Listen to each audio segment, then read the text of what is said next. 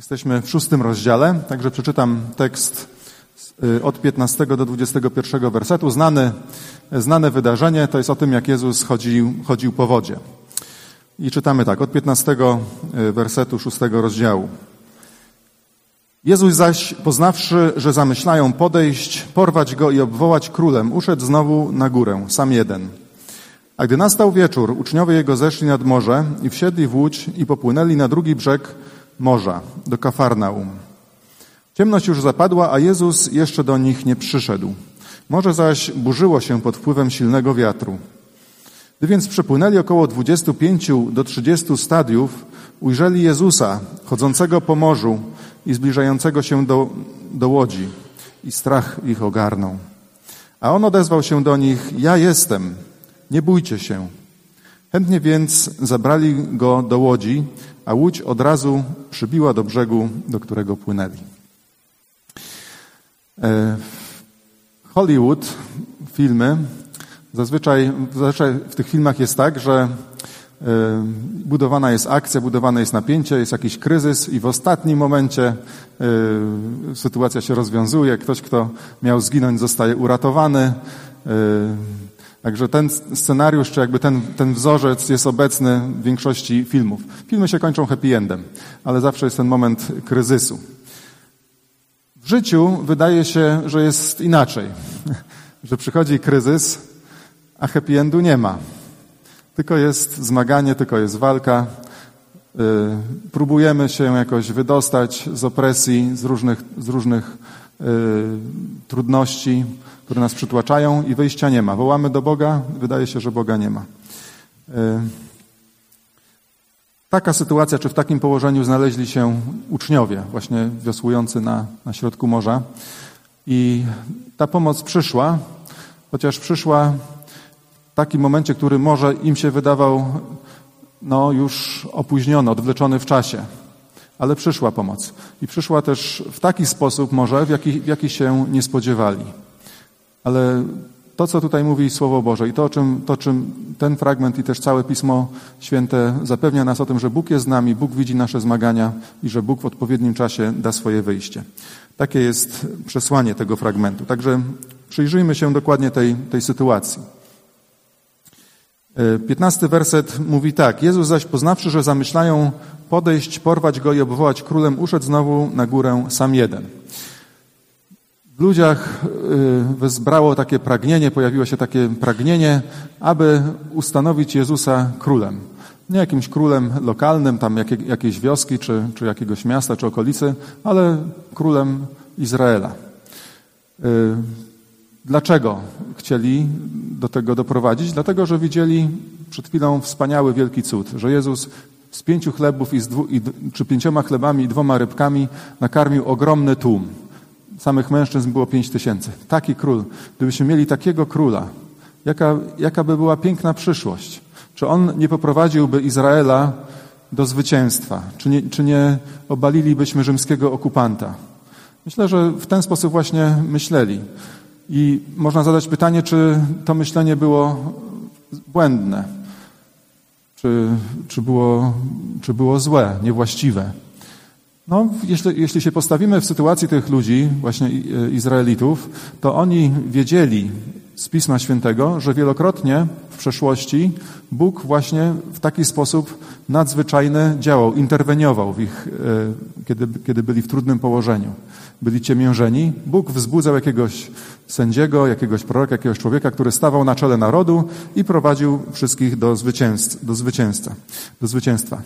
A tym bardziej Jezus, do którego, co do którego doszli już do przekonania, że to jest ten prorok, który miał przyjść na świat, czyli doszli do przekonania, że tak, to jest Mesjasz, to jest Zbawiciel, no to niech wreszcie obejmie to królowanie, niech, niech e, obejmie władzę i niech poprowadzi nas do zwycięstwa. Niech, niech się wypełnią te wszystkie wspaniałe proroctwa. Tak oni rozumowali, no i wydaje się, że to rozumowanie e, z pozoru nie było takie złe. Może nawet uczniowie myśleli, teraz jest ta chwila, teraz jest ta chwila, na którą czekaliśmy, kiedy Jezus y, włoży na głowę koronę i zacznie panować, a my razem z Nim. Ale jednak Jezus odmawia tej kuszącej propozycji i uchodzi. odchodzi gdzieś na górę, oddala się. Dlaczego? Jezus nie chciał być królem w ziemskim znaczeniu. Nie chciał być królem takim politycznym, sprawować władzę polityczną, przynajmniej nie teraz. Ponieważ Jezus wiedział, że gdyby objął panowanie, to w jaki sposób miałyby się wtedy wypełnić pisma? O tym, że miał pójść na krzyż, że miał złożyć ofiarę za nasze grzechy, że miał odkupić ludzkość, nie tylko Izraela, ale ludzi z całego świata. To nie mogłoby się wypełnić, gdyby przyjął wtedy władzę. Proroctwa te by się nie wypełniły. Nikt nie mógłby być zbawiony, bo, bo tylko dzięki niemu, dzięki tej ofierze mogło się dokonać odkupienie. Musiał pójść na krzyż. Jezus to wiedział i dlatego uniknął, unikał właśnie takich, powiedzmy, ziemskich zaszczytów. Także Jezus przyszedł na świat po to, aby rozwiązać o wiele większy problem niż problem głodu. To, że ludzie nie mieli czego jeść. I takie problemy będą przychodzić, będą się pojawiać. Większy problem niż problem rzymskiej okupacji. Czy to był, czy to był dla Izraela problem, czy to, czy, to było, czy to ich przygniatało, ten ciężar okupacji, rzymski but? Oczywiście, że tak. Przez wiele, przez wiele już dziesięcioleci. Ale Jezus przyszedł po to, aby rozwiązać o wiele większy problem, miał wiele szerszą, głębszą perspektywę. Dlatego odszedł i uciekł y, od nich. Ciekawe też, że, że szatan proponował Jezusowi władzę dużo wcześniej, kiedy Jezus był kuszony. Pamiętamy, zaprowadził go na wysoką górę, pokazał mu wszystkie królestwa tego świata. Czy objęcie władzy nad światem było w zasięgu możliwości Jezusa z jego mocą? Oczywiście, że tak. To była realna pokusa. Jezus mógł zostać królem całego świata, ale wtedy powiedział nie. Właściwie można powiedzieć, że ta walka odbyła się wtedy. Jezus już wszedł na ten właściwy kurs i z niego już nie zszedł. Nie chciał wykonywać woli diabła, ale wolę Ojca. I przez to, że był posłuszny, teraz Jezus objął panowanie. Wiemy, Pismo Święte nam mówi o tym, że wszelka władza, wszelka moc na niebie i na ziemi należy, się, należy, należy do Chrystusa. Nie widzimy jeszcze tej władzy, jest ukryta, ale ona jest realna i pewnego dnia się objawi. Także najpierw krzyż, potem chwała. Tak samo jest w naszym życiu. Musimy wypełniać Bożą wolę. I Bóg y, będzie to błogosławił. Tutaj można jeszcze zadać takie pytanie przy okazji. Y, skoro Jezus nie chciał zostać królem w ziemskim znaczeniu, to czy chrześcijanie powinni interesować się władzą albo polityką? Czy powinni na przykład chrześcijanie angażować się powiedzmy w życie, w życie polityczne? To jest dosyć ważne pytanie i są nurty chrześcijaństwa, które uważają, że absolutnie chrześcijanie nie powinni angażować się w politykę. Na przykład menonici to byli y, właśnie chrześcijanie, którzy nawet tutaj w okolicach Elbląga y, w poprzednich wiekach y, się osiedlali. Oni uważali, że chrześcijanin nie powinien sprawować żadnej władzy publicznej, nawet chrześcijanie nie powinni się w jakikolwiek sposób angażować w politykę, głosować, bo to wszystko jest władza, władza świecka. Natomiast my tutaj, powiedzmy, po, po pewnych doświadczeniach yy, i też oczywiście yy, naszym fundamentem jest Pismo Święte, to co mówi Pismo Święte na ten temat, yy, uważamy, że chrześcijanie mogą zajmować się polityką, jeśli, jeśli Bóg kogoś do tego powołuje, ale Kościół już nie. Chrześcijanie tak, pojedyncze osoby, ale Kościół już nie. I historia zna też wielu chrześcijan, wiele przykładów w historii możemy znaleźć, których Bóg y, powołał, aby byli politykami, członkami parlamentu, czy jakim, piastowali jakieś inne stanowiska. Nawet Bóg pewne rzeczy przez, przez takich ludzi osiągnął, y, czy, czy pewne cele. Zniesienie niewolnictwa na przykład w Anglii. Bóg użył konkretnego wierzącego człowieka, który właśnie miał pewne przekonania w swoim sercu, y, do, doprowadzenia, doprowadził przez niego jego działalność polityczną do zniesienia niewolnictwa.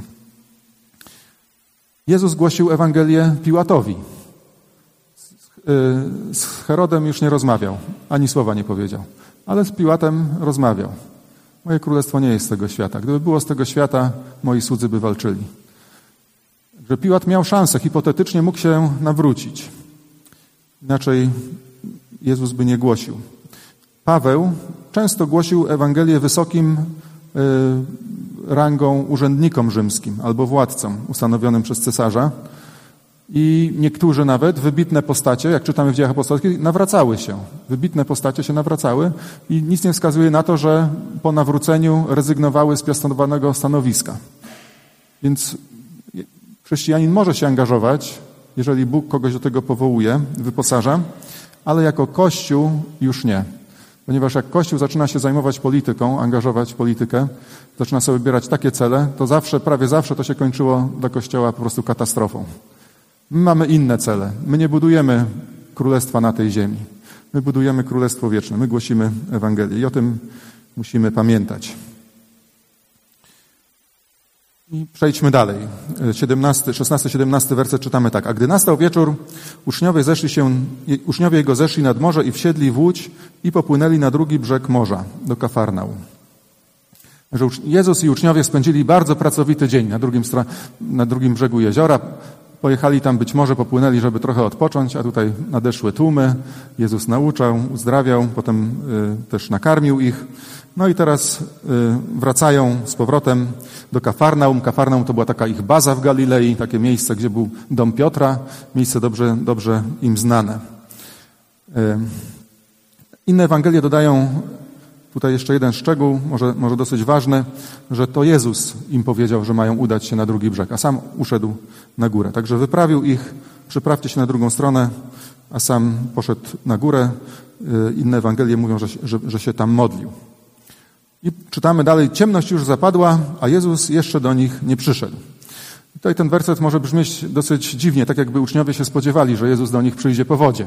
Ale oczywiście z dalszej lektury widzimy, że oni się absolutnie nie spodziewali tego, że Jezus będzie chodził po wodzie. Przerazili się, gdy zobaczyli Jezusa. Także niektórzy tu wyjaśniają, czy, czy próbują to jakby tak zinterpretować, że uczniowie czekali aż do zapadnięcia ciemności na brzegu i wtedy wyruszyli. To jest dopuszczalna, możliwa interpretacja. Y, w każdym razie to, co jest ważne tutaj, to, co, to na co apostoł Jan, Duch Święty chce nam zwrócić uwagę, to, że kiedy byli na morzu uczniowie, było ciemno. Było ciemno, panowała y, ciemność. Y, słońce zachodzi w, tamtym, w tamtych okolicach, w okolicach święta Paschy około 19, ciemno robi się około 20. Także mniej więcej to była ta pora, kiedy oni już na pewno byli na morzu. Dalej czytamy, że morze zaś burzyło się pod wpływem silnego wiatru. I to też właśnie było tak, że kiedy zapadał zmrok, wtedy te masy powietrza z zachodu tam opadały na to jezioro i, i właśnie wzbudzały silny wiatr. Ten wiatr był przeciwny, także oni płynęli po prostu pod wiatr. Musieli płynąć pod wiatr. I później czytamy, że gdy więc przepłynęli około 25 do 30 stadiów, i stadion to była odległość starożytno, starożytności około 200 metrów. Także przepłynęli e, około 5 do 6 kilometrów. Morze w tamtym miejscu galilejskie ma, to jest właśnie takie ogromne jezioro, szerokość ma około 12 kilometrów, także znajdowali się na środku tego morza. I Ewangelia Marka też mówi, że kiedy Jezus do nich przyszedł, byli na środku tego morza. Y, I tutaj czytamy, że płynęli, ale to słowo oznacza właściwie i niektóre tłumaczenia tak oddają, że oni wiosłowali. Wiosłowali, wiosłowali. Także no wyobraźmy sobie, cały dzień pracy, o 20 y, wyruszają, czy może w tej okolicy, i zaczynają wiosłować. Ewangelia Marka mówi, że Jezus przyszedł do nich o czwartej straży. Czwarta straż to była między, między trzecią nad ranem a szóstą nad ranem. Jak już się kończyła noc. Czyli za wiosłami już Całą noc prawie wiosłowali i są na środku morza. Także tutaj Jan przed nami pewien taki obraz maluje tej, tej sytuacji, czy, tej, czy, czy, czy jaki był kontekst, yy, kiedy Jezus do nich przyszedł. Ciemno, wiatr przeciwny, morze się burzy, a oni są zmęczeni, yy, bardzo zmęczeni. I myślę, że tutaj yy, Jan, chce, Jan po, po prostu nam podaje te szczegóły po to, aby pokazać, że ta sytuacja uczniów jest pewnym obrazem, jest obrazem chrześcijańskiego życia, naszego życia, kiedy właśnie na tym świecie jesteśmy, i odczuwamy właśnie zmęczenie. Ciemność w Biblii bardzo często reprezentuje zło. Ciemność jest, jest, jest właśnie oznacza te ciemności duchowe, zło, które nas otacza. Izajasza 5:20. Biada tym, którzy zło nazywają dobrem, a dobro złem, którzy zamieniają ciemność w światłość, a światłość w ciemność. Ciemność e, reprezentuje zło, które jest obecne na tym świecie. Jezus bardzo często mówił o światłości i o ciemności. Że są ludzie należący do światłości i ci, którzy należą do ciemności. I Biblia też mówi, że cała, cały świat jest pogrążony w ciemnościach, w duchowych ciemnościach. Zła, zła nie popełniają tylko kryminaliści i przestępcy, ale zwykli ludzie popełniają złe czyny. Wokół nas to widzimy. Chciwość, kłamstwa, pazerność, zdrady, oszustwa, przemoc, choćby, choćby werbalna, złość, jakaś złośliwość. To wszystko jest obecne na tym świecie. My żyjemy otoczeni ciemnością. Lubieżność, nieczystość, bałwochwalstwo. To jest na tym świecie. Dookoła nas panują ciemności. Przeciwny wiatr może reprezentować takie życiowe przeciwności. Chcemy coś zrobić, nie udaje się. Chcemy, chcemy coś właściwie zrobić, nie udaje się. Może też reprezentować różne poglądy, wielkie idee światowe, które są sprzeczne z tym, co mówi Pismo Święte. Apostoł Paweł właśnie tak mówił o, y, w Efezjan 4:14. Mówi tak, abyśmy już nie byli dziećmi miotanymi i unoszonymi lada wiatrem nauki przez oszustwo ludzkie i przez podstęp prowadzący na bezdroża błędu. Są różne idee, które tym światem rządzą, jakieś, które ludzkie serca inspirują i ludzie wierzą w różne, w różne rzeczy, które wcale nie są, nie pochodzą od Boga. Jakieś wielkie idee, takie jak na przykład naturalizm, marksizm, materializm, ewolucjonizm, komunizm, ale też religijne, buddyzm, islam, nawet katolicyzm. To nie są wiele rzeczy, po prostu te idee wielkie, które, których ludzie się trzymają, nie są zgodne z Pismem Świętym. Ludzie mają najrozmaitsze poglądy wokół nas, że istnieje wielu, wielu bogów, że nie ma Boga, że wszystko jest Bogiem. Całkowicie odmienne od tego, co mówi Biblia. I te poglądy głoszą ludzie, którzy są wykształceni, którzy mają zdolność przekonywania. I kiedy właśnie żyjemy, cały czas wokół nas widzimy inne spojrzenie, inne poglądy, inne trendy. To jest jakby taki wiatr, y, przeciwko któremu się poruszamy. Musimy się poruszać. Ludzie mówią, jak możesz wierzyć w to, co jest napisane w Biblii? Jak w to możesz wierzyć dzisiaj w XXI wieku? To jest właśnie ten przeciwny wiatr. Wzburzone morze, w Biblii morze często reprezentuje ludy tego świata, narody tego świata, które są właśnie y, poruszone przez różne idee. U proroków zwłaszcza widzimy tę, y, właśnie to, to porównanie, bardzo często występuje. Izajasza 17:12. Biada, wrzawa licznych ludów, burzą się jak burzy się morze. Szum narodów, szumią jak szum gwałtownych wód. Lecz bezbożni są jak wzburzone morze, które nie może się uspokoić, a którego wody wyrzucają na wierzch muł i błoto. To jest Izajasza 57:20. Jeremiasz prorokował o upadku Babilonu. Mówił tak, 51:42. Morze podeszło pod sam Babilon, przykryło go naporem swoich fal. Oczywiście wiemy, że Babilon nie upadł dlatego, że tam zalało go morze, to zalało, zalało to miasto morze, ale zalała wielka armia medoperska. Także te ludy tego świata są przyrównane do takiego wzburzonego morza. Również Daniel miał wizję, gdzie wielkie zwierzęta wynurzały się właśnie ze wzburzonego morza. Daniela, siódmy rozdział, drugi i trzeci werset, czytamy Ja, Daniel, miałem w nocy widzenie, oto cztery wiatry niebieskie wzburzyły wielkie morze i cztery wielkie zwierzęta wychodziły z morza, każde inne. I te zwierzęta, jak wiemy z Księgi Daniela, reprezentują, czy reprezentowały wielkie imperia światowe, które gdzieś wynurzy, wynurzyły się w pewnym momencie historii spośród ludzkich mas i, i przejmowały kontrolę nad tym światem na, na jakiś czas. Także morze e, oznacza takie ludy tego świata, wzburzone, mające jakieś swoje cele, swoje idee, y, które, którymi jesteśmy otoczeni. Tak więc tą sytuację uczniów, którzy znajdują się na morzu, kiedy wokół panuje ciemność, kiedy wieje przeciwny wiatr i to morze jest zburzone, y, właśnie można porównać do, do tego chaosu, którego, który panuje na tym świecie wokół nas, a na którym my się też znajdujemy. Po prostu jesteśmy pośrodku tego i musimy wiosłować. Wokół grzech, zburzone narody, które realizują jakieś swoje cele. Najgorsze w tej sytuacji dla uczniów było jedno, że nie było obok nich Jezusa. Może sobie zadawali pytanie, gdzie jest teraz Jezus? Dlaczego go tutaj z nami nie ma? Czy oni postąpili wbrew Bożej woli, że tam się znaleźli na środku morza? Nie, Jezus, to Jezus przecież im powiedział, przeprawcie się na drugą stronę morza. Czyli byli w Bożej woli, a jednak jakby Jezusa brakowało. To jest obraz, to wiosłowanie w ciemności, pod prąd, pod wiatr. Myślę, że to jest taki obraz chrześcijańskiego życia. Chrześcijańskie życie to nie jest spacerek.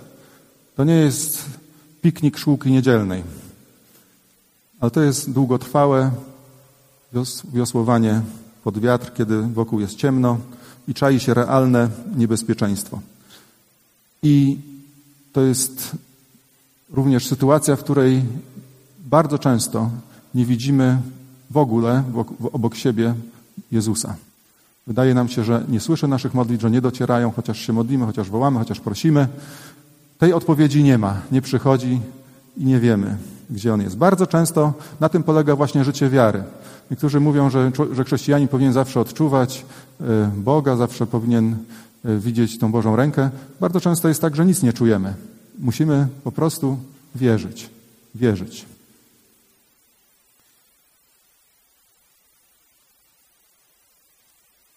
Jezus przyszedł z pomocą, ale zrobił to w swoim czasie i zrobił to również na swój sposób, którego uczniowie może się nie spodziewali. Czytamy tak, w 19 wersecie. Gdy więc przypłynęli około 25 do 30 stadiów, ujrzeli Jezusa chodzącego po morzu, zbliżającego się do łodzi i strach ich, ich ogarnął. Jezus przychodzi właśnie w tej najciemniejszej chwili. I teraz tak, ten y, cud, bo to, był, bo to był cud, że Jezus chodził po wodzie, y, dla kogoś, kto powierzchownie czyta tylko Ewangelię, może się wydawać takim pustym przejawem mocy. No to dlaczego teraz Jezus na przykład nie poleci?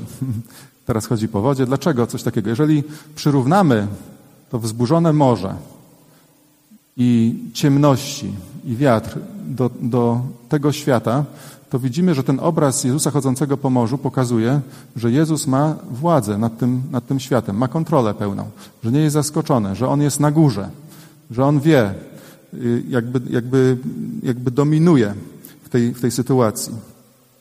Chaos nie ma na Niego wpływu. Nawet wszystkie wielkie narody, wielkie imperia i wielkie, wielkie idee. Jezus jest ponad tym wszystkim.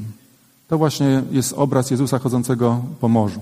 Nie jest to jakiś spektakularny cud, który ma wprawić ludzi czy uczniów w zdziwienie, ale on ma też znaczenie, bo cuda mają właśnie znaczenie, mają przesłanie, że Jezus jest y, w pozycji kontroli nad tym światem, nad wszystkimi okolicznościami. On panuje. Dlatego możemy być całkowicie pewni, że jeżeli, jeśli Jemu ufamy, to się nie zawiedziemy. Jak zareagowali uczniowie, kiedy widzieli Jezusa chodzącego po, po morzu? Na początku był strach. Czytamy tutaj. Strach, strach ich ogarnął. Myśleli, że widzą zjawę. Jeszcze nie, nie skojarzyli, że to jest Jezus. Na początku był po prostu strach. I bardzo często jest tak, że kiedy Bóg objawiał swoją obecność, czy to w Starym, czy w Nowym Testamencie, pierwszą reakcją ludzi było przerażenie. Na przykład, kiedy Izajasz ujrzał Bożą chwałę, powiedział: Biada mi, zginąłem. To był ten pierwszy moment. Daniel, kiedy ujrzał wielkie wizje, kiedy miał dane wielkie wizje, to był słaby, po prostu był przerażony. Tak samo jak uczniowie byli na górze przemienienia, kiedy Jezus się na ich oczach przemienił, odezwał się głos z nieba, byli przerażeni. Dopiero po chwili zrozumieli, że to jest ich Bóg, I ci ludzie właśnie zostali wzmocnieni i jakby oczy ich, ich się otworzyły i zobaczyli, że właśnie to jest ich Bóg. On przyszedł po to, aby nam pomóc, aby nas uratować. To właśnie miało miejsce teraz. A on odezwał się do nich: Ja jestem, nie bójcie się. Możemy sobie tylko wyobrazić, jaka była ulga. To jest Jezus, w końcu przyszedł. I tutaj w tych słowach jeszcze można dostrzec coś więcej. Słowa ja jestem po grecku brzmią ego eimi. I to jest ciekawe, że to jest imię Boga, Jahwe. Y, kiedy była, była tłumaczony Stary Testament na język grecki, to właśnie Jahwe, jestem, który jestem, po grecku brzmiało ego eimi. I tutaj, czyli ego, ja, eimi, jestem. I tutaj Jezus przychodzi do nich i mówi, ja jestem. Nieprzypadkowo. W Ewangelii Jana Jezus wielokrotnie, kilkakrotnie o sobie mówi ego eimi, a raz gdy powiedział o sobie właśnie ja jestem, to Żydzi y, porwali kamienie, żeby go ukamienować. Także oni rozumieli, że Jezus, wypowiadając te słowa, utożsamia się z Bogiem Jahwe. Jezus nie czynił tego przypadkowo. On chciał powiedzieć, że On jest Bogiem, że, że jest tym Bogiem, który, może, który jest ponad wszystkim, ponad tymi falami, ponad, ponad tym morzem i ma moc, pełną moc, aby przynieść ratunek. I czytamy dalej. Chętnie więc zabrali go do łodzi, a łódź od razu przybiła do brzegu, do którego płynęli. I tutaj mamy do czynienia z jeszcze jednym cudem, który często nam umyka, bo tak czytamy tutaj, koncentrujemy się może na tym, że Jezus chodził po wodzie, ale tu jest jeszcze jedna niezwykła, niezwykła rzecz, że kiedy wzięli go do, do tej łodzi, to ta łódź natychmiast znalazła się przy brzegu. I myślę, że to może nawet jest większy jeszcze cud niż, niż chodzenie po wodzie. To nam się bardziej to teleportacja. Coś, co znamy z jakichś filmów bardziej, a nie nawet z Biblii. E, niektórzy komentatorzy tutaj mówią, że no, Jezus, właściwie uczniowie już byli prawie przy drugim brzegu, także e, Jezus właściwie, no tak do końca on nie chodził po wodzie, bo tam było płytko, może nawet chodził po brzegu i takie są właśnie wytłumaczenia, ale Biblia mówi zupełnie coś innego. Mówi, że byli, przepłynęli dopiero 5 czy 6 kilometrów, że byli na środku morza i że Jezus przyszedł do nich chodząc po wodzie. I że kiedy wsiadł do łodzi, kiedy zabrali go do łodzi, ta łódź natychmiast znalazła się przy brzegu. To właśnie mówi Pismo. Niezwykły cud. I znowu rodzi się pytanie, dlaczego Jezus to zrobił? Czy to był znowu taki przejaw, zobaczcie, co ja potrafię. Byliśmy na środku morza, a teraz jesteśmy na brzegu. Nie, nie chodzi o, to, o, ta, o, taką demonstrację mocy, ale znowu te, te cuda miały zawsze jakieś, jakieś znaczenie. Y, było to uzupełnienie nauki Jezusa, który mówi, że, i które nam mówi coś takiego, że kiedy Jezus interweniuje, wtedy Jego pomoc jest natychmiastowa i jest skuteczna. Natychmiastowa, skuteczna i pełna. Rozwiązuje sytuację do samego końca. I myślę, że kiedy właśnie spojrzymy w ten sposób, jeżeli przyrównamy ten, to zmaganie uczniów na, na morzu do chrześcijańskiego życia, to możemy odnieść, to możemy jakby tą sytuację, kiedy Jezus się pojawia, nawet odnieść do końca ludzkiego życia. Kiedy umieramy, kiedy przychodzi nam odejść z tego świata. Oczywiście nie jest to miły moment. Tak jak uczniowie się przestraszyli, bali się, my też, my też boimy się śmierci, ale co się dzieje, kiedy Jezus przychodzi? Natychmiast będziemy bezpiecznego brzegu. Koniec naszego życia jest przejściem do Królestwa Niebieskiego dla nas, do odpoczynku. O tym zapewnia nas Pismo Święte. I mi się też kojarzy ta, ta cała sytuacja z jeszcze jednym, e, z jeszcze jedną, e, czy ważnym wydarzeniem, o którym mówi Pismo Święte. Z czasami, kiedy, z czasem poprzedzającym przyjście Chrystusa. Bo Biblia mówi, że o ile teraz panują na całym świecie duchowe ciemności, to wtedy będzie najgorzej. Nastąpi wielki ucisk, wielki terror, taki terror, jakiego nie było od początku stworzenia, Jezus mówi. O ile dzisiaj jeszcze można uciec, powiedzmy gdzieś y, są prześladowania chrześcijan, można uciec gdzieś do Ameryki, wtedy nie będzie już takiego miejsca. Wtedy trzeba będzie to tylko po prostu znosić. I kiedy będzie najgorzej, naj, najtrudniej, pojawi się Chrystus, y, co będzie też przerażające, tak jak uczniowie się przerazili tutaj, kiedy zobaczyli Jezusa chodzącego po wodzie. Jak Jezus się objawi, to będzie przerażające dla całego świata, ale my, wierzący, zobaczymy, że to jest nasz Zbawiciel, który po nas przyszedł. Zostaniemy porwani, tak jak Pismo mówi, powietrze i zawsze będziemy z Panem. Właśnie ten natychmiastowe przeniesienie tutaj e, ze środka morza na brzeg przypomina to porwanie ludzi wierzących już u schyłku wieków w okresie wielku, wielkiego ucisku. Myślę, że takie, takie właśnie może są głębsze pewne tutaj, może, możemy takie zastosowanie głębsze znaleźć dla, dla tego cudu.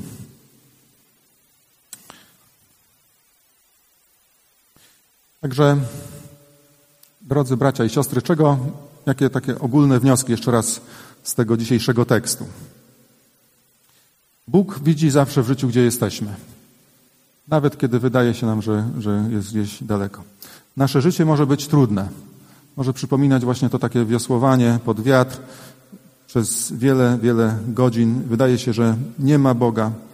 Nie odczuwamy Jego ręki w naszym życiu, Jego pomocy. Wyda może się wydawać nam, że Bóg o nas zapomniał, nie słyszy naszych modlitw, ale musimy pamiętać jedno. Bóg wcale nie jest daleko. I w odpowiednim czasie, w odpowiedniej chwili On się pojawi i da nam wyjście, które będzie natychmiastowe i skuteczne. Ale zrobi to wtedy, kiedy sam zechce. Dlatego dzisiaj, kiedy zmagamy się, nie bójmy się, ale ufajmy Mu, a On będzie nam błogosławił i da wyjście. Amen.